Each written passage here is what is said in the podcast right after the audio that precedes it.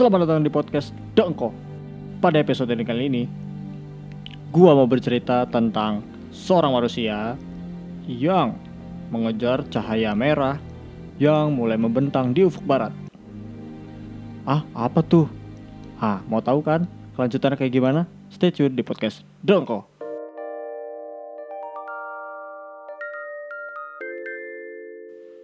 Tahun 2014 di mana itu adalah tahun yang besar untuk dia karena telah menuntaskan pendidikan jenjang SMP dan melanjutkan ke jenjang pendidikan yang lebih tinggi yaitu SMA.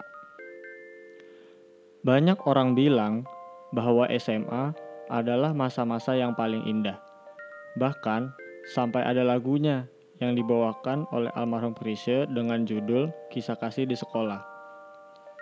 Kemudian ditempatkanlah dia ini di kelas 10 bersama 35 orang yang belum pernah dia jumpai dalam hidupnya.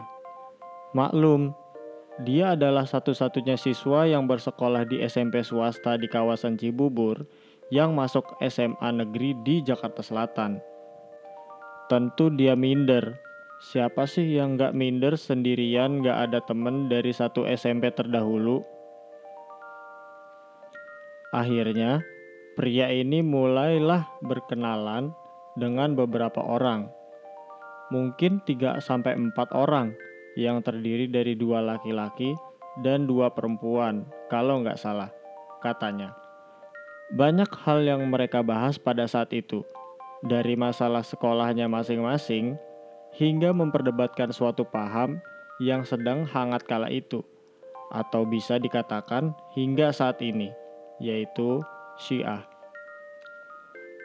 Kemudian, pria ini mulai masuk ke dalam fase gibah awal. Mulailah dari situ membicarakan tentang ketertarikan dengan lawan jenis, kalau normal. Dia melihat hampir setiap laki-laki di sekolah itu melakukan seleksi awal atau scanning kalau dia bilang. Ya, Ketika itu dia juga melakukan hal seperti itu. Cuma satu waktu itu, sebut saja ubur-ubur. Setelah itu, dia melakukan MOPDB dengan antusiasme yang sangat tinggi. Mungkin ketika itu teman-teman yang lain melihat dia, ini orang gila apa ya? Caper amat. Harap maklumin aja ya, balasnya. Sepengetahuan dia ketika itu, setelah 2-3 bulan belajar, mulai terbentuk kelompok-kelompok kecil di dalam kelas, yang menurutnya hal itu wajar. Balik lagi ke si ubur-ubur ini, dia meyakini bahwa ada beberapa orang yang naksir sama wanita ini ketika itu. Mungkin dua atau tiga. Rasa itu telah padam terlebih dahulu sebelum muncul percikan api untuk si ubur-ubur ini. Kemudian, waktu berlalu hingga setelah UTS. Nah, pada saat itu, tempat duduk sering dirotasi supaya lebih mengenal satu sama lainnya. Memasuki waktu pulang sekolah, hujan deras melanda Lenteng Agung ketika itu. Pria ini yang akan pulang dengan naik angkot 129 tentu akan lebih senang untuk menunda kepulangannya karena kalau naik angkot ketika hujan, ade, nggak usah ditanya, pasti panas dan pengap. Belum lagi ada tukang ikan asin dari pasar minggu yang akan selalu lewat di depan sekolah pukul 3. Kebayangkan aura di dalam angkotnya seperti apa? Nah, tapi ada satu wanita nih dan sekelas juga sama pria ini yang tak bisa naik ke mobilnya karena derasnya hujan. Akhirnya, mereka ngobrol kurang lebih 5-10 menit sembari menunggu hujan mereda. Kemudian, pria ini diajak sama wanita ini buat lari bareng-bareng ke mobil masing-masing. Ya tentu dia dengan mobilnya dan pria ini dengan angkot 129-nya. Dan anehnya, dia nerima aja. Yang kalau dipikir sekarang, ya aneh. Nah, ya udah, akhirnya sama-sama larilah dua orang ini. Di kelas itu juga rutin diadakan forum, minimal sebulan sekali. Gak ngerti juga buat apa. Dibahaslah pria ini tentang kekurangannya sama teman-temannya. Kemudian ada satu wanita yang memuji dia ini baik dan ternyata wanita itu adalah yang kemarin lari bareng-bareng ke mobil. Bagaikan oasis di tengah gurun, sontak hal itu membuatnya tersipu malu. Siapa sih yang gak kesengsem denger kayak gitu? Entah apa yang membuat wanita ini mengatakan hal-hal yang baik kepadanya. Akhirnya, terjalinlah hubungan baik antara dua orang ini. Nah, lambat laun pria ini makin suka nih sama cewek ini. Hampir 20 per 7. Lain tidak pernah putus. Kalau sekarang namanya bucin. Nah sama di kelas juga. Mungkin pria ini nggak merasa bucin. Tapi teman-teman yang lain yang ngeliat kalau dia bucin. Ada momen ketika selesai uas, mereka nonton film bareng, yaitu nonton film horor dengan judul Woman in Black 2 di Margo. Naik angkot 04 dari depan sekolah. Ya maklum bisanya cuma itu. Terus setelah nonton, dia sama wanita ini nongkrong di warung kopi yang mahal. Gayanya anak SMA. Naik angkot, jajan kopi mahal, hasil nyisihin uang jajan dua bulan supaya bisa jalan bareng. Pria ini mesen signature coklat ukuran grande karena nggak bisa minum kopi. Dan wanita ini mesen iced matcha green tea latte. Ngobrol lah dua orang ini sampai wanita ini dijemput supirnya. Hari berlalu sampai suatu saat pria ini memberanikan diri dong nembak pas selesai uas tapi anehnya lewat chat di mana dia nggak bangga sama sekali dengan hal itu. Ya ditolak mentah-mentah lah sama gebetannya. Ya iyalah mana ada nembak wanita pakai line. Kan bercanda gue ketahuin aja pria ini. Tapi pria ini nggak patah asa sampai ketika tahu bahwa wanita ini udah punya pacar. Kala itu bulan April dia cuma hanya bisa tertegun untuk lesu dan tak berdaya upaya yang telah dicurahkan terasa sia-sia namun apa boleh buat hanya bisa menerima dengan hati yang hampa Kemudian, tidak ada kisah yang terjadi hingga kenaikan kelas. Ternyata ada satu yang diceritakan pria ini. Bulan Ramadan pun tiba di tahun 2015. Pria ini diajak untuk berbuka puasa di rumahnya perempuan ini dengan teman-teman sekelasnya. Pria ini naik motor dari sekolah berbonceng dua dengan temannya untuk pergi ke rumahnya Rumahnya jauh, mungkin sekitar 30 sampai 40 menit dengan sepeda motor. Itu juga karena pria ini memiliki kerabat yang rumahnya tak jauh dari rumah wanita ini. Sehingga dalam perjalanan ke sana tidak terlalu sulit untuk mencapainya. Sehingga karena jauh, kalau pulangnya kemalaman, pria ini bisa menginap di rumah kerabatnya ini.